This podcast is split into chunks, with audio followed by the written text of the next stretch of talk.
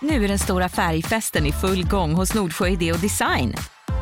Du får 30 rabatt på all färg och olja från Nordsjö. Vad du än har på gång där hemma så hjälper vi dig att förverkliga ditt projekt. Välkommen in till din lokala butik. Nordsjö idé och design. Podplay.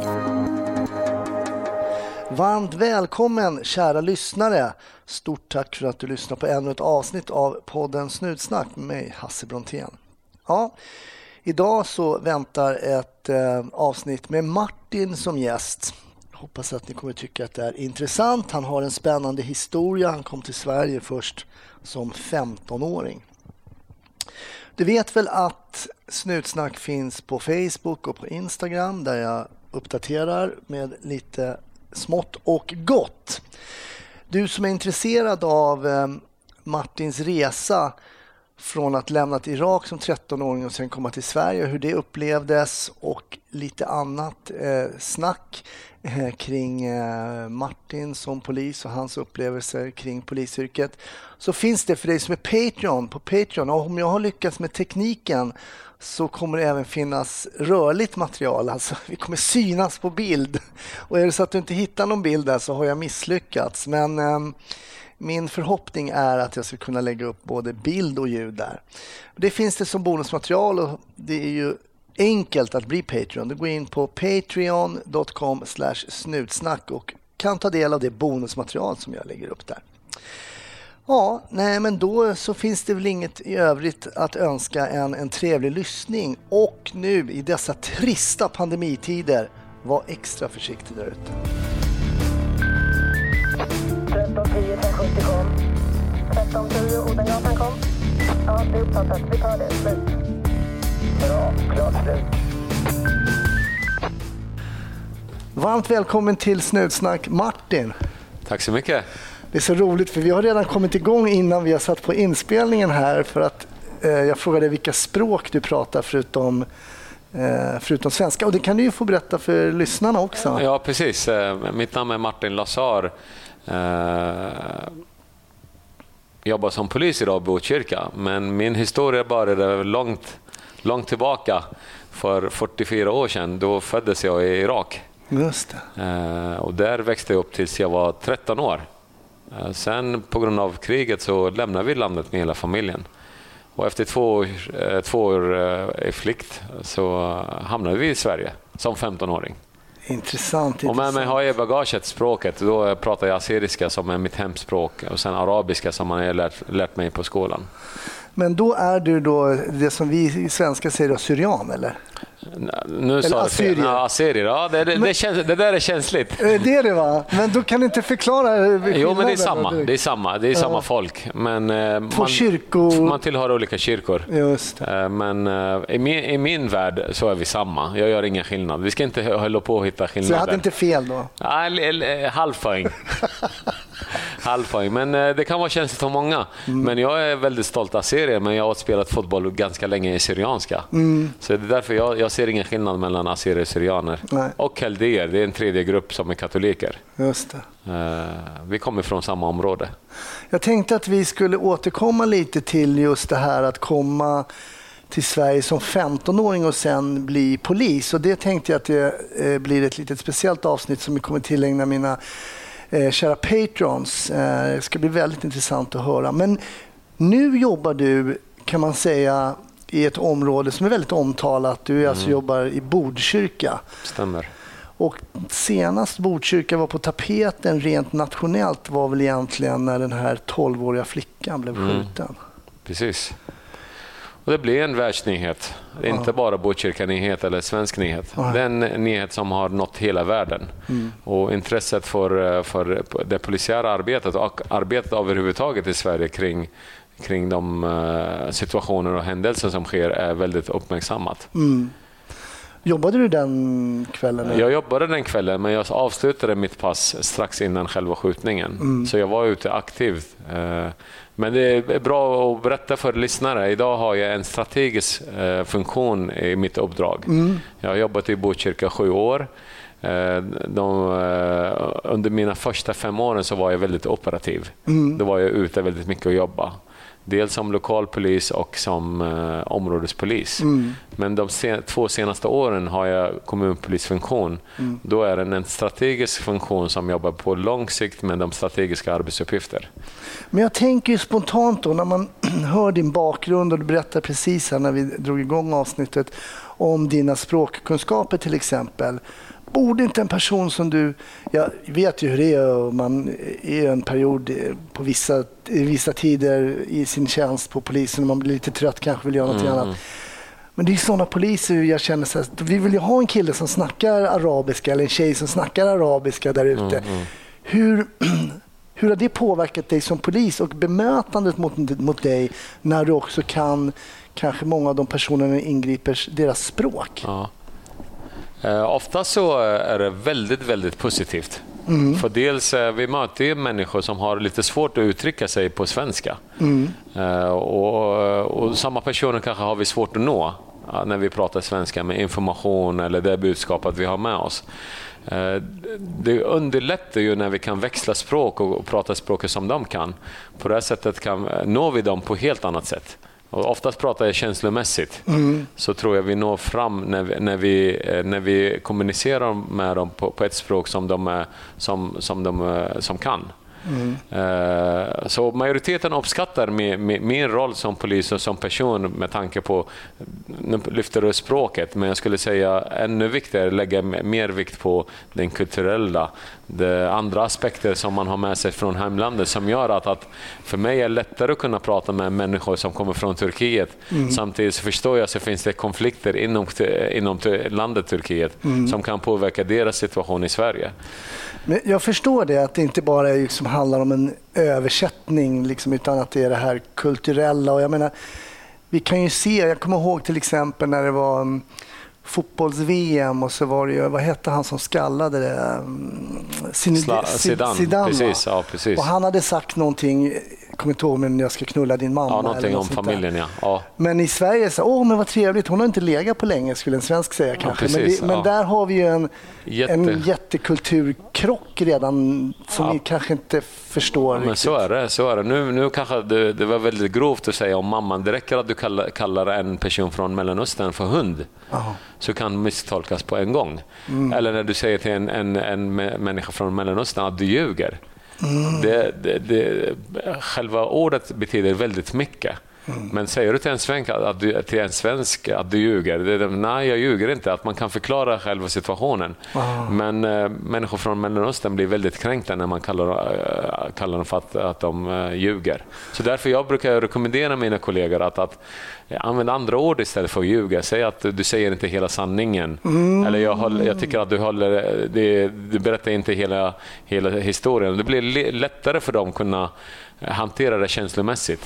Precis, för språket är alltså på olika nivåer som är svårt att veta när man inte kommer från den, den språkkulturen så att säga Absolut. som också inramas av hela kanske landets eller regionens kultur där. Och det, där, det därför sker den här kulturella krocken. För att eh, saker och ting som är självklara i Sverige är inte självklara i, i resten av världen. Men det är också så att du skulle kunna stå och tjuvlyssna och sådär eller blir du snabbt känd som den här killen som Jag har lite fördel att jag, jag är inte jättemörk och sådär. Så folk har svårt att placera mig vid, vid vilken del av världen jag kommer. Ja, det är sant. Eh, Så många, skulle, många tror att jag är från eh, Balkan. Jag, har, jag har hört eh, förslag från andra länder men ingen har gissat direkt att jag eh, kan vara arabisktalande. Ja, På det sättet så har jag fått den möjligheten att kunna tjuvlyssna ibland. Det blir oftast roligt när man åker kollektivtrafik och hör eh, hur par kan sitta och diskutera heta diskussioner på ett, ett språk som jag behärskar. Det blir lite, lite pinsamt. Ja, precis. Ja. precis.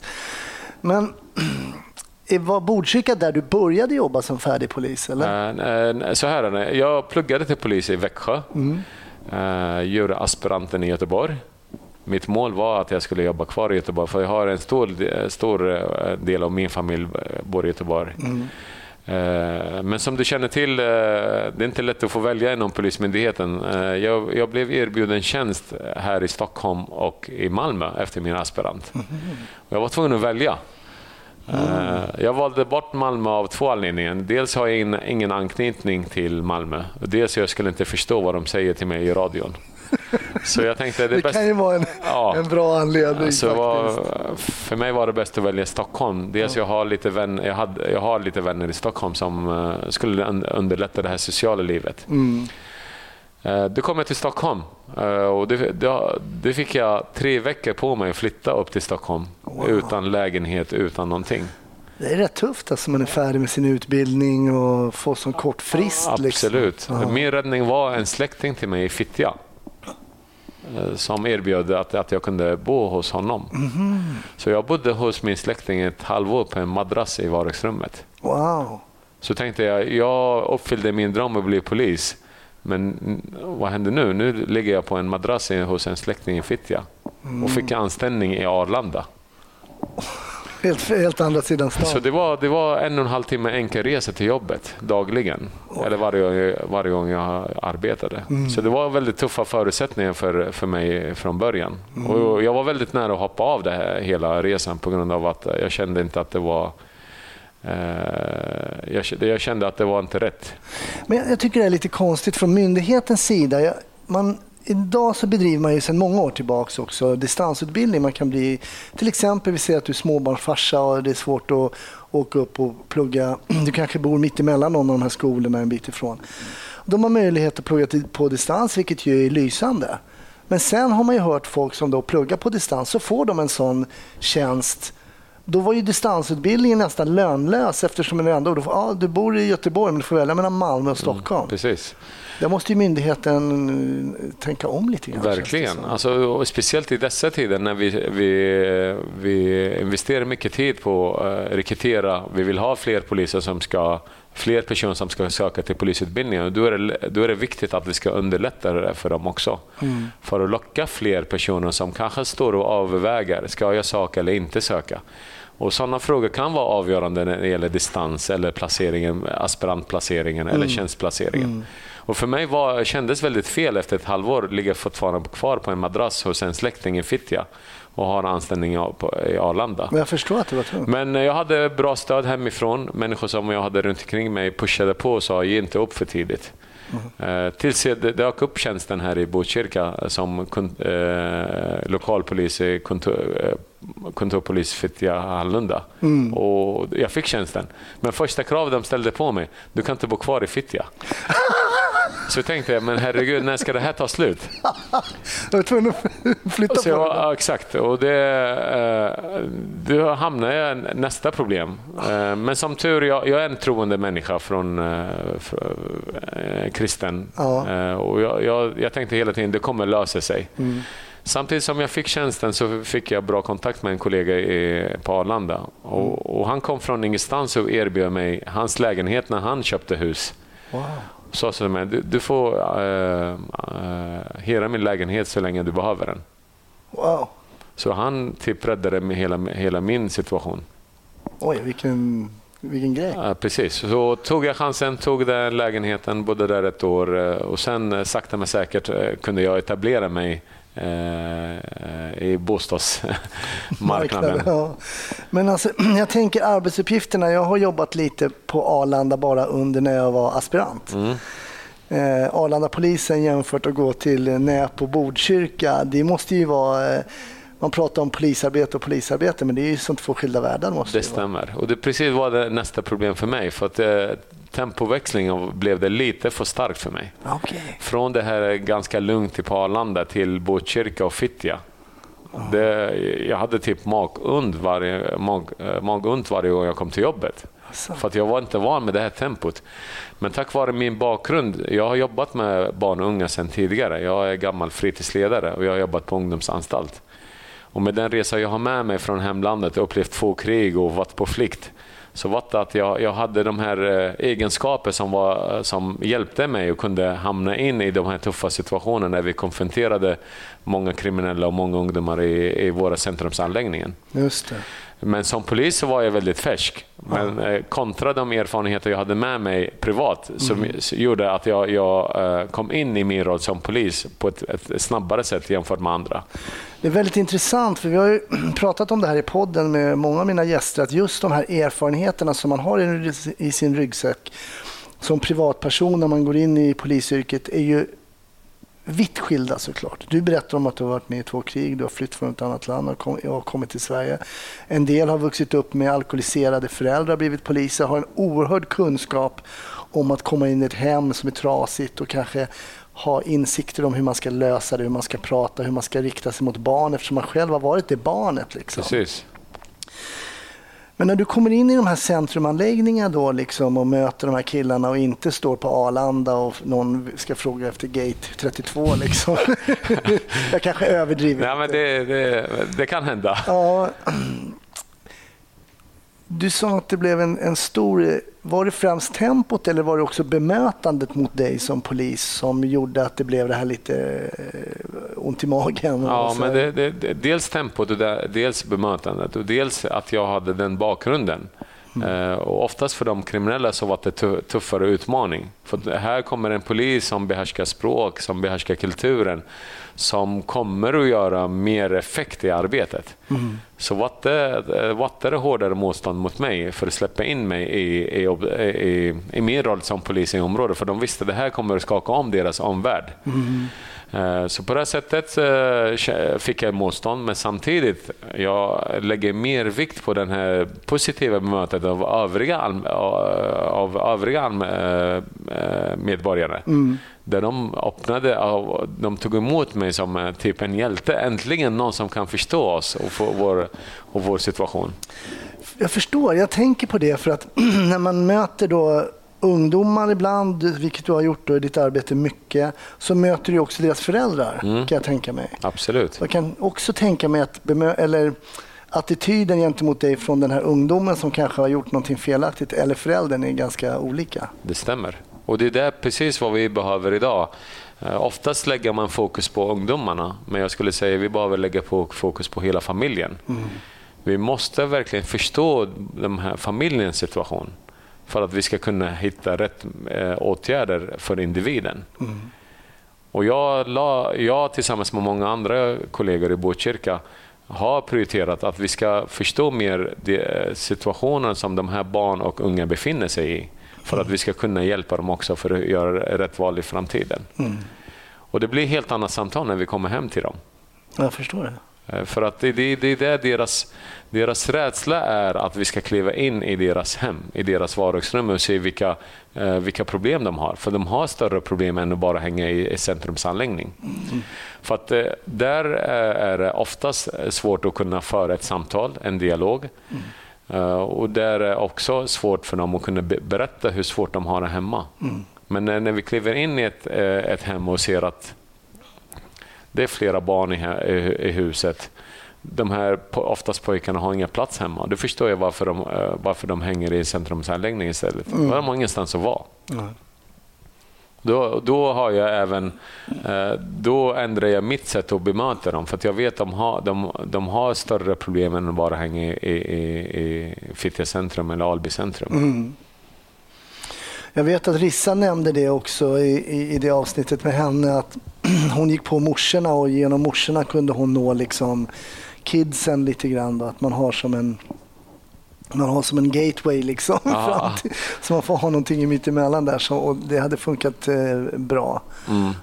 Man hade till och med sagt, bett mammorna liksom vad de skulle kolla efter i deras fickor och när de hittade saker i deras fickor skulle de ringa henne och sen saker. Så det blir ett polisarbete som man kanske inte lär sig riktigt på skolan. Nej, absolut. Utan det blir någon ny form av polisarbete där man jobbar lite annorlunda. Det stämmer. Och det är så vi, vi måste jobba verkligen på, på att hitta metoder och sätt som gynnar ju området. Eh, Jag har sagt det hela tiden, vi måste jobba mer lokalt anpassat eh, till, den, eh, lokala, till de problemen vi har i vårt område. Och, och jag måste berätta, alltså, vi har ett jämställt samhälle, enligt många. Men i min mening, efter, eh, efter de här sju åren jag har jobbat i Botkyrka, så har vi jättestora problem med jämställdhetsfrågor. Okej. Eh, Det är därför det sker de här problemen vi har ute hos oss i våra, de här särskilt prioriterade områdena. För att vi har ing- inga jämställda hem. Ofta så, är det, så finns det skillnad mellan män och kvinnor, pojkar och flickor. Man behandlar eh, barnen efter deras kön som gör att, att det, det skapas ju eh, eh, distanser mellan, mellan familjemedlemmarna.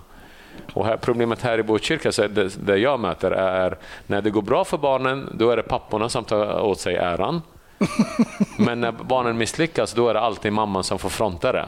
Okej. Och det är där vi behöver, som, samhälls, samhälls, eh, som myndigheter och samhället behöver hantera att hur vi ska inkludera hela familjen i framgångar och motgångar. Men det är sant, Sverige är ju då på pappret en av världens mest jämställda länder. Men det är klart, om man kommer, jag menar du berättar, du har ju dina rötter i Irak, eh, eh, Mellanöstern, väldigt mycket patriarkala strukturer där man har liksom, det har ju varit mycket på tapeten om klaner till exempel, där man, eh, om bilen är trasig så ringer man liksom inte myndighet utan man ringer sin kusin och de kommer och bärgar. Allting funkar på ett annat sätt. Liksom. Det, det är väl inte konstigt att det har följt med. Men hur ska man då kunna få jämställda familjer? Det låter ju väldigt, väldigt svårt. Alltså. Absolut, men det är därför vi behöver som myndigheter, vi behöver kliva in i vardagsrummet. Och för att vi ska eh, kunna hjälpa familjen, vi måste öka förståelsen hos de här människorna att myndigheter är här för att hjälpa dig. Vi är inte här för att straffa dig. Men självklart så förstår jag de här papporna som sitter med den bakgrunden. De är motståndskraft i, i det här, för de vill inte integrera sitt hem på ett sätt som gör att alla är jämlika.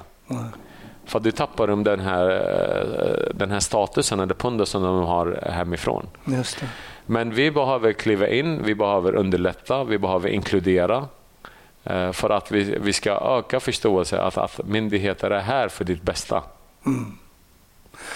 Ja, och man har ju inte myndigheter kanske på det sättet där man har kommit ifrån heller. Och man kan ju förstå att det finns en viss skepsis kanske då, då till i Sverige har vi, vi som är uppvuxna här och liksom vi är vana, men då hör du av dig först till Försäkringskassan och sen Precis. gör du det och sen går du till Arbetsförmedlingen. Ja, och ja. går det riktigt dåligt får du höra av till SOS kanske få Ja. någon peng därifrån. Och det, det är klart att, och kan man inte språket heller riktigt så det blir många, många kilar som sätter Självklart. stopp. Liksom. Och sen får vi, vi måste tänka också på det, det handlar mycket om prestige.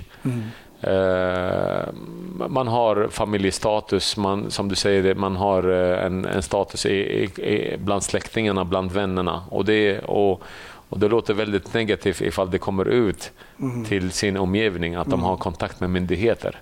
Det är därför oftast så söker de, ehm, de flesta familjerna söker hjälp hos myndigheten när det är riktigt för sent.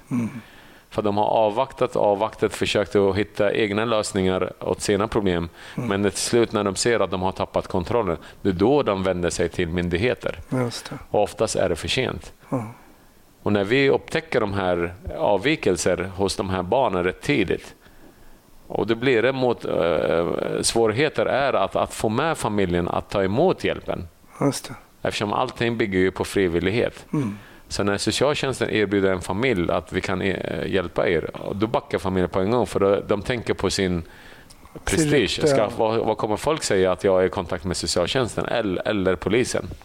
Så det oftast blir det väldigt en överraskningsmoment när polisen eh, ringer på för att man har kanske gripit deras barn eh, för ett, ett brott. Jag läste på sociala medier tror jag igår faktiskt. När vi spelar in det här så är det ju höstlov. Mm. Ehm, och eh, då läste jag att det hade varit lite stök på stan i Stockholm. Det var han Ybe Södermalm eh, som har varit gäst också, Viktor, som har varit gäst i podden, eh, som skrev att det hade varit bråk och slagsmål och folk gripna och man hör av sig till föräldrarna men föräldrarna är inte ens intresserade av att komma och hämta barnen. Nej. Och det blir man ganska förvånad när man läser om man har ett barn som varit i knipa och polisen ringer, ni får komma och hämta. Nej, de får, det, vi struntar i det. Och det, det, det är eh, tyvärr brist på kunskap om eh, vad innebär det att, att, att som förälder har du huvudansvar för, för, det, för, för ditt barn. Mm. Det, där, det är många eh, skjuter upp det ansvaret på myndigheter, på skolan istället för att eh, inse att, att, att ni har en stor del i det här problemet. Vi brukar säga men problemet är inte själva handlingen, problemet är vad, vad, vad är orsaken till handlingen? Varför det här barnet väljer att bete sig på det här sättet? Då måste vi verkligen titta lite djupare kring eh, förutsättningar, kring, kring vilka relationer de har till sina föräldrar. Jag möter ju rätt ofta barn som har ingen relation till sina föräldrar. Och kopplat till det här kulturella, för att uh, kulturella aspekten har en viktig roll i uppfostran. den relationen ma- många barn har i Botkyrka till sina föräldrar, den byggs på, på rädsla. Du ska vara rädd för din pappa. Ja, wow. Det är inte det här att eh, det, ska vara, relationen är byggd på respekten, att eh, relationen inte är byggd på inkludering eh, eller tillåtelse för misstag. För att ett misstag kan ge väldigt stora konsekvenser. Det är därför man skapar den här rädslan och rädslan skapar ju, skapar ju möjligheter för, dem, för barn att ljuga för sina föräldrar för de vill inte ha konsekvenser. Just det. Och det blir det som en överraskning när myndigheterna kommer och knackar på och ska berätta ja, men, eh, din grabb eller din dotter har varit med i de här, det här händelsen. Just det.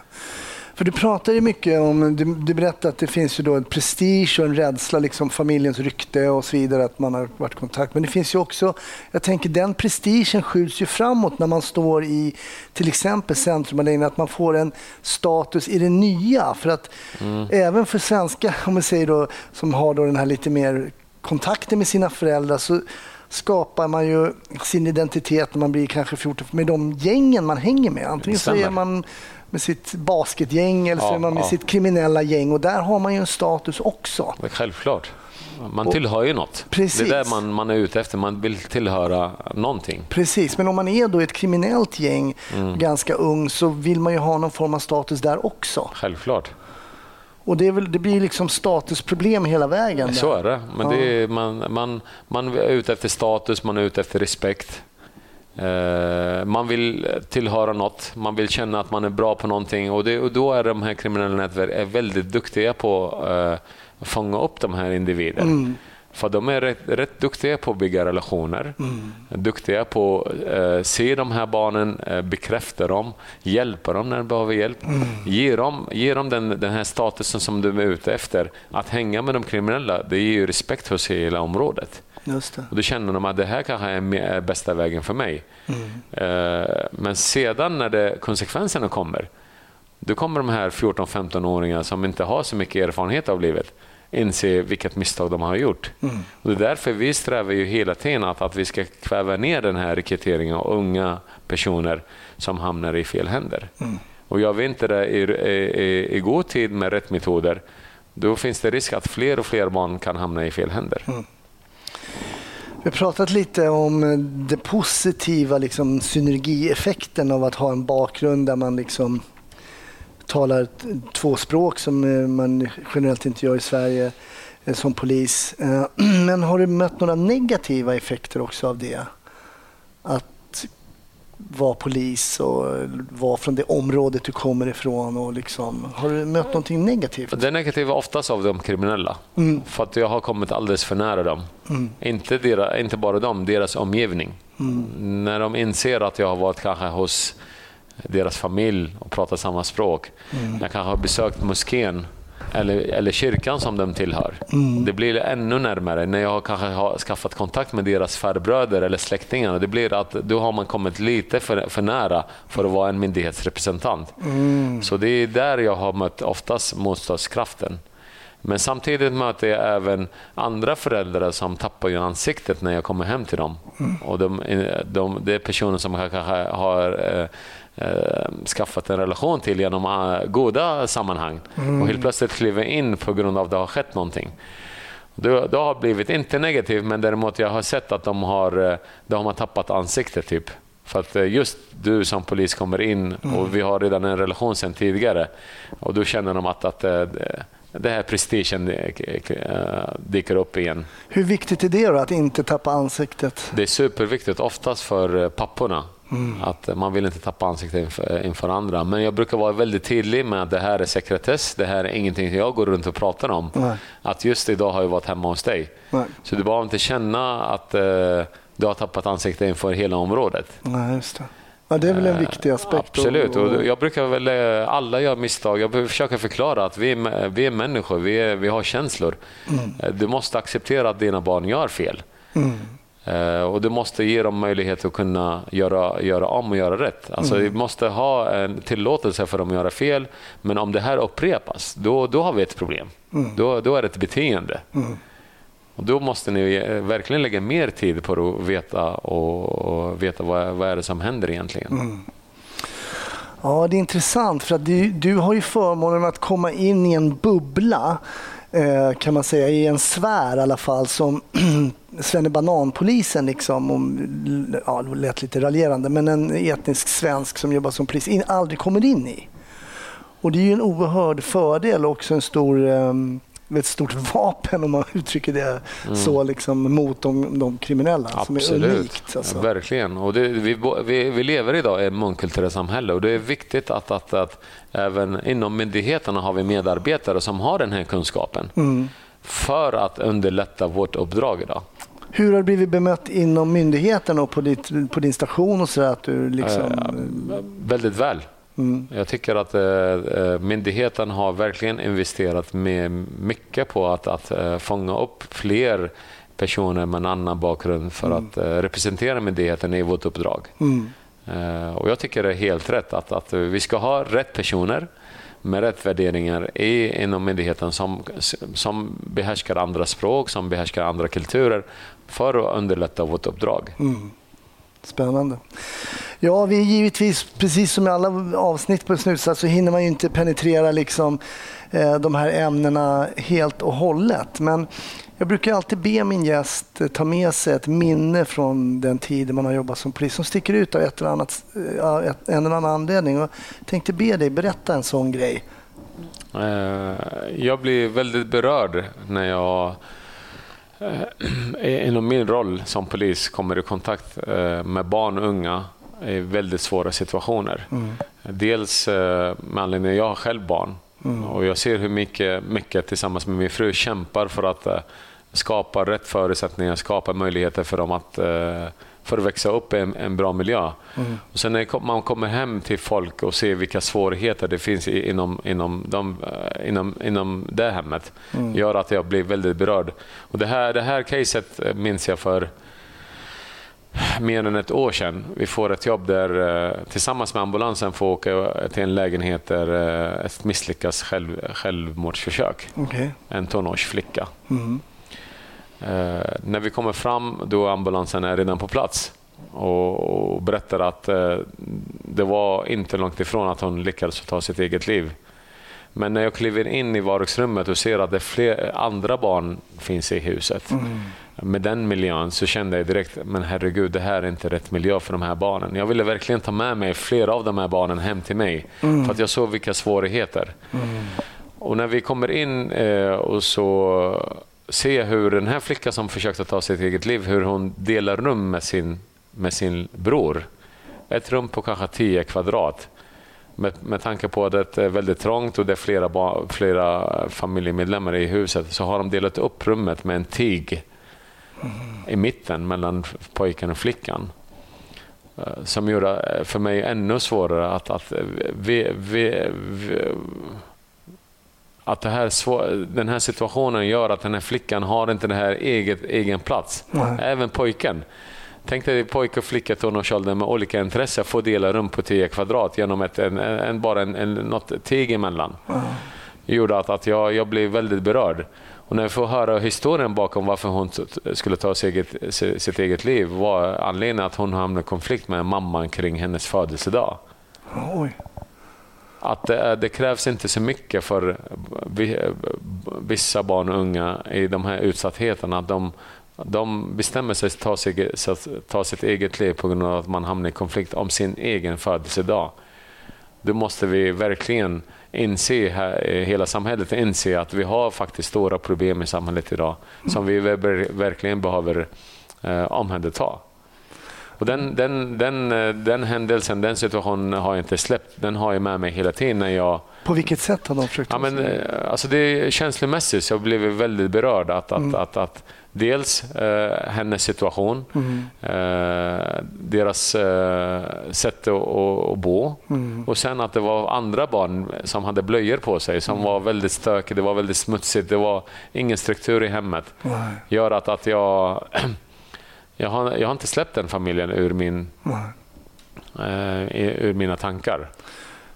Påverkar sådana här händelser dig? Tänkte du när du blev polis att du skulle möta de här situationerna och att det skulle kunna påverka dig? Var det just de här händelserna du tänkte på då? Inte då. För att jag kände Sverige som ska vara en, en, ett, eh, ett, ett, ett fint land där män, människor ska leva trygga, säkra. Mm. Men eh, genom min roll som polis s- gör, eh, ser jag att, att jag möter barn och unga som har sämre förutsättningar än vad jag hade själv när jag kom till Sverige som flykting. Mm. Det gör att, att jag blir väldigt orolig för framtiden. Ja, det förstår jag. Eh, och det hade inte jag förväntat mig att det ska vara så illa för, eh, för dessa barn. Ja, jag förstår. Ja, Och det är någonting som jag verkligen försöker förmedla medialt. Försöker Mm. medla till politikerna att allting är inte bra i samhället. Vi måste verkligen jobba med, med, med de här frågorna om vi ska påstå att vi lever i ett, ett tryggt Sverige. Vad händer i ett sånt här ärende då? Ni kommer till, den här, till det här huset eller lägenheten där den här flickan, tonårsflickan försökt ta sitt liv. På vilket sätt har de försökt ta sitt liv? Då? Hon har- försökte hänga, sig med, med äh, rem, bälte. Ja, jag förstår. Ehm, och ni är där. Hur går man vidare? Liksom? Så, hur, för det är egentligen i grunden kanske inte ett polisiärt ärende, Nej. men att, att avbryta det kanske då. Vi försöker skriva en omfattande eh, rapport till socialtjänsten Mm, kring situa- barnens situation i det här hemmet för att vi tycker det är olämpligt. mm. Eh, och så lämnar vi ärendet helt och hållet över till socialtjänsten. Så i dagsläget då, det här ärendet som du har i ditt minne som du inte riktigt kan släppa, du vet inte vad som har hänt till Nej. exempel?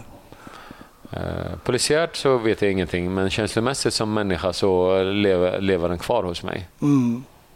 På grund av det, jag tror inte det, hon är den första eller sista som eh, eh, hamnar i, i de situationer som jag beskrev. Det är så oerhört intressant för att den här podden då som handlar om polisarbete och det är många som tar upp just mötet med dysfunktionella familjer, eh, mötet med människor som eh, psykiskt mår väldigt dåligt, ungdomar som försöker ta sitt liv. Det är mycket sådana minnen som finns i polisers eh, tankar. Och det är kanske inte vad gemene man tror. Att det är de här jobben som poliser och man kanske inte ens vet om att poliser är på de här jobben och bryr sig om de här jobben. Mm. Men det är vanligt förekommande, det Absolut, och, och det är därför jag, allt jag träff, träffar inom mitt jobb idag, eh, oftast försöker jag göra en, en, en koppling till mig själv som person, hur, hur, hur jag har haft det Mm. eh, under min uppväxt. Och det som gör eh, det här minnet ännu starkare, att när vi pratade med mamman som var orsaken till konflikten, Mm. hon var väldigt kall. Hon visade inga känslor alls, att hennes dotter var nästan eh, på andra sidan. Oj. Eh, och gör att, att jag kopplade till hur, hur min mamma har varit, eh, hur min mamma är mot oss. Just det. Idag som vuxen, hon fortfarande dagligen ringer och frågar eh, var rädd om dig. Alltså, eh, att hon har investerat hela sitt liv för att hjälpa oss. Medan den här mamman ser framför sig sin dotter är helt blå i ansiktet och ändå så var hon iskall och gjorde sina, eh, var hon upptagen med andra sysselsättning. Hon var inte ens i rummet. Det är oerhört intressant därför att det här ärendet nu som vi minns, om vi bara backar, backar, backar så kommer vi tillbaks på någonting som vi faktiskt har pratat om och det är ju föräldrarna. Ehm, Såklart att man gör en jämförelse och jag tänker direkt på min egen mamma när du pratar om din mamma och sådär. Om- Och föräldrarna har ju ett oerhört stort ansvar och kanske är det så att vi i Sverige idag pratar lite för lite om föräldrarnas... Det är mycket i Sverige att myndigheter ska lösa problem, skolan ska ju lösa mycket problem, polisen ska lösa mycket problem. Men om vi liksom går tillbaka så finns det ju i grunden ett väldigt starkt föräldraransvar Stämmer. som vi kanske inte pratar om så mycket. Nej. Men här märker vi båda de sakerna vi har pratat om. Ungdomarna på glid. Vi pratar lite om eh, heder och, och, och, prestige Ja, och, och, och rykte och sådär. Och sen när man kommer till den här kalla föräldern som spelar ingen roll var de kommer ifrån. Men får man inte kärleken hemma så Nej. är det en väldigt tunn grund att stå på om man inte har den. Det är precis vad det är. Alltså när, när, du, när du inte har den här tryggheten hemifrån för att kunna eh, utmana dig själv som ungdom eller som vuxen gör att, att de här barn och unga blir lättare offer för de kriminella nätverk. Eh, och, för, och I min värld är, som du säger, föräldrarna har huvudansvaret. Det är därför vi behöver inkludera föräldrarna i den situationen de här barnen befinner sig i. Vi kan inte förlita, eh, vi, vi kan inte förlita oss på att, att myndigheten ska lösa hela problemet. Vi ska vara där som stöd men samtidigt vi måste våga ställa krav även på, eh, på föräldrar, på vuxna. Mm, Och i det här fallet så, så, så, se- det här säger jag framför dig. Jag tyckte inte den här personen var lämplig mamma. Nej. Och då känner jag att, att eh, ska vi verkligen lämna den här lägenheten med de här, med de här barnen, eh, barnen i de här situationerna. Var hon ensamstående också? Eller? Eh, vi såg bara mamman, så jag vet inte om det finns pappa i bilden, men i alla fall nu var det mamman hemma. Men den miljön och den, den eh, föräldrar i, i, i lägenheten var ej, ej lämpligt för de här barnen. Ja, jag förstår. Och det, det blir extra svårt för mig att, att komma dit som en uniform- uniformerad polis och sen bara lämna lägenheten. Mm. Då känner jag att, att eh, det var inte tillräckligt. Nej. Nej, jag förstår det.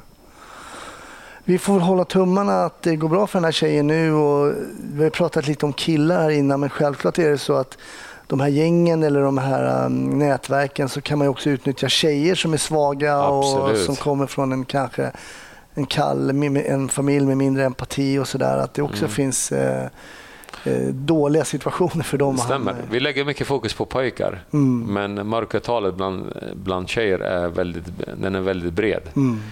Så vi måste verkligen, eh, vi måste även jobba där i en jämställdhetsfråga. Det, det, det är inte alltid bara pojkar som är problem. Det, det finns problem även bland tjejer. Absolut, ja. Ja. Jag brukar alltid runda av eh, podden och fråga om, du kollar på poli- om eh, gästen kollar på polisfilmer.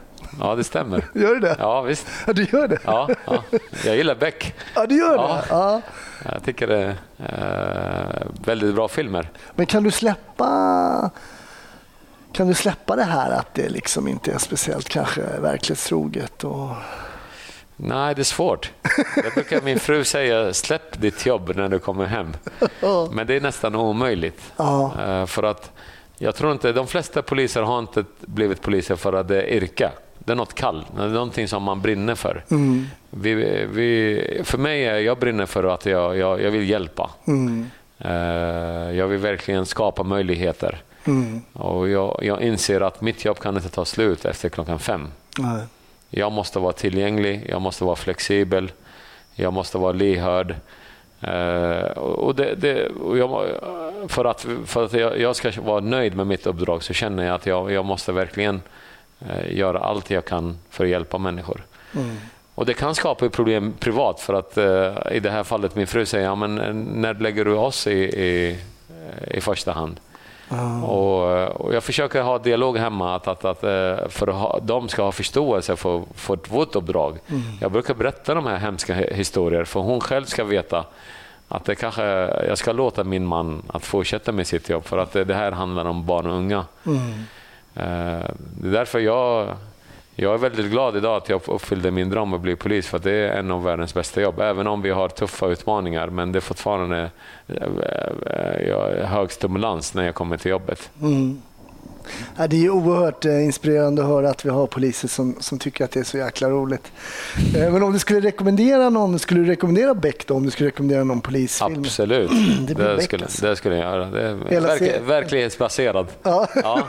perfekt. Nej, men det, det, det, är bra, det är bra filmer som lyfter polisyrket på, jag tycker på rätt vis sätt. Martin, stort tack. Det har varit oerhört intressant att bara få skrapa lite på ytan såklart, men man hinner ju inte så mycket eh, på tiden här för podden. Du ska få, eh, få berätta lite om din uppväxt och varför den, och hur den här drömmen om polisyrket kom. Och det, eh, mina kära Patreons, kan ni eh, höra och förhoppningsvis se på Patreon. För jag tänkte jag skulle få igång min videokamera här också, se om jag lyckas med det. Eh, vill du också stötta podden och bli Patreon så kan du lätt göra det. Gå in på patreon.com snutsnack. Men nu säger jag än en gång tack så jättemycket Martin. Tack så mycket. Tack.